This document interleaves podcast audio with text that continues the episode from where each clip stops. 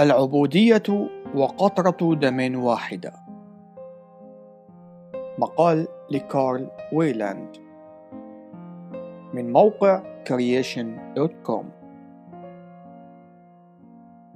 في الغالب يتم افتراض كون العبودية التي انتشرت في الولايات المتحدة الأمريكية في فترة ما قبل الحرب أنها كانت مدفوعة بالعنصرية من البيض ضد السود. لكن الحقيقة هي أن خلاف ذلك هو الصواب. إن العبودية هي التي تسببت بتفاقم العنصرية. بداية إن الأدلة تشير إلى أن الناس قد استعبدوا بعضهم البعض عبر التاريخ. كلما توفرت لديهم الوسائل والفرص المناسبة وذلك بصرف النظر عن عرقهم. جرى أسر الناس من ذوي البشرة السوداء من قبل رجال سود البشرة وذلك بقصد بيعهم في أسواق غير أفريقية. لقد تم استعباد أعداد هائلة من البيض الأوروبيين من مختلف الأشخاص كان بينهم من امتلكوا بشرة بيضاء وبينهم من لم يمتلكوها.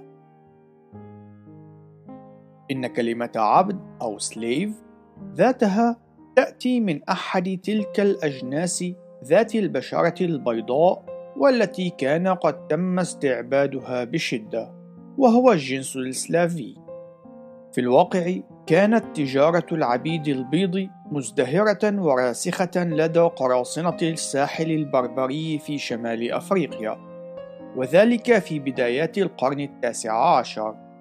وهو الأمر الذي دفع بالولايات المتحدة الأمريكية إلى إرسال قوات عسكرية لتخوض معركة هناك. وهو الأمر الذي يقف وراء الإلهام الموجود في أحد أشطر نشيد البحرية المشهور والذي يقول اقتباس إلى شواطئ طرابلس. نهاية الاقتباس. في أواخر العام 2001 كان لا يزال أمرا قائما أن يتم احتجاز الأفارقة السود والإتجار بهم كرقيق في السودان. للأسف الشديد كان صمت وسائل الإعلام ذات المواقف الصحيحة سياسيا بشأن هذه القضية الجارية فضيحة صماء. ربما لأن الجناة كانوا أفارقة آخرين من ذوي البشرة السوداء أو ربما لأن الكثيرين منهم كانوا من أتباع دين السلام. ثانياً، يأتي الدور الذي لعبته العبودية في تصعيد العنصرية من مقارنة النتائج الاجتماعية في الولايات المتحدة والبرازيل. في الولايات المتحدة وخلال عصر العبودية، كان يوجد تركيز مفتقد إلى درجة كبيرة في البرازيل، وهو أن جميع البشر الذين هم من نسل آدم مخلوقين على صورة الله. وهذا يعني أنهم متساوون من الناحية الجوهرية إنهم عائلة بشرية واحدة وذلك بصرف النظر عن كل ذلك التنوع والاختلافات الثقافية وذلك وفق ما جاء في إعلان الاستقلال. لذلك فإنه قد وجد في الولايات المتحدة ضغوط لتدبير برامج تجعل من المجموعات التي يتم استعبادها أقل إنسانية. ولكن هذا الأمر لم يكن موجودا في البرازيل. هذا هو أحد الأسباب المهمة التي تجعل من القضايا الاجتماعية التي تتضمن المشكلات العنصرية بين البيض والسود في البرازيل أقل من الولايات المتحدة وذلك بعد إلغاء العبودية. بالإضافة إلى ذلك فإنه يفسر سبب ظهور مفاهيم توراتية لا يمكن أن يتم الدفاع عنها وهي مفاهيم يزعم أنها توراتية. مثل وجود أجناس ما قبل آدم ولعنة حام التي أنتجت البشرة السوداء. وكذلك قد يفسر انتشار مثل هذه المفاهيم في الثقافة البيضاء للولايات المتحدة الأمريكية ولكن ليس في البرازيل. في مجتمع يمتلك درجة أعلى من الميول الكتابية كان لابد من أن يتم تحييد الآثار المناهضة للعنصرية والعبودية لتاريخ البشرية المسجل بشكل مباشر في سفر التكوين. كما هو الحال في يومنا الراهن مع المساومات التي يقدمها التطور الربوبي لم تكن تلك الأفكار مدفوعة بما أعلنه الكتاب المقدس إنما بالأفكار الخارجية المنتشرة في المجتمع. والتي جرى في وقت لاحق إلصاقها بالكتاب المقدس عنوة.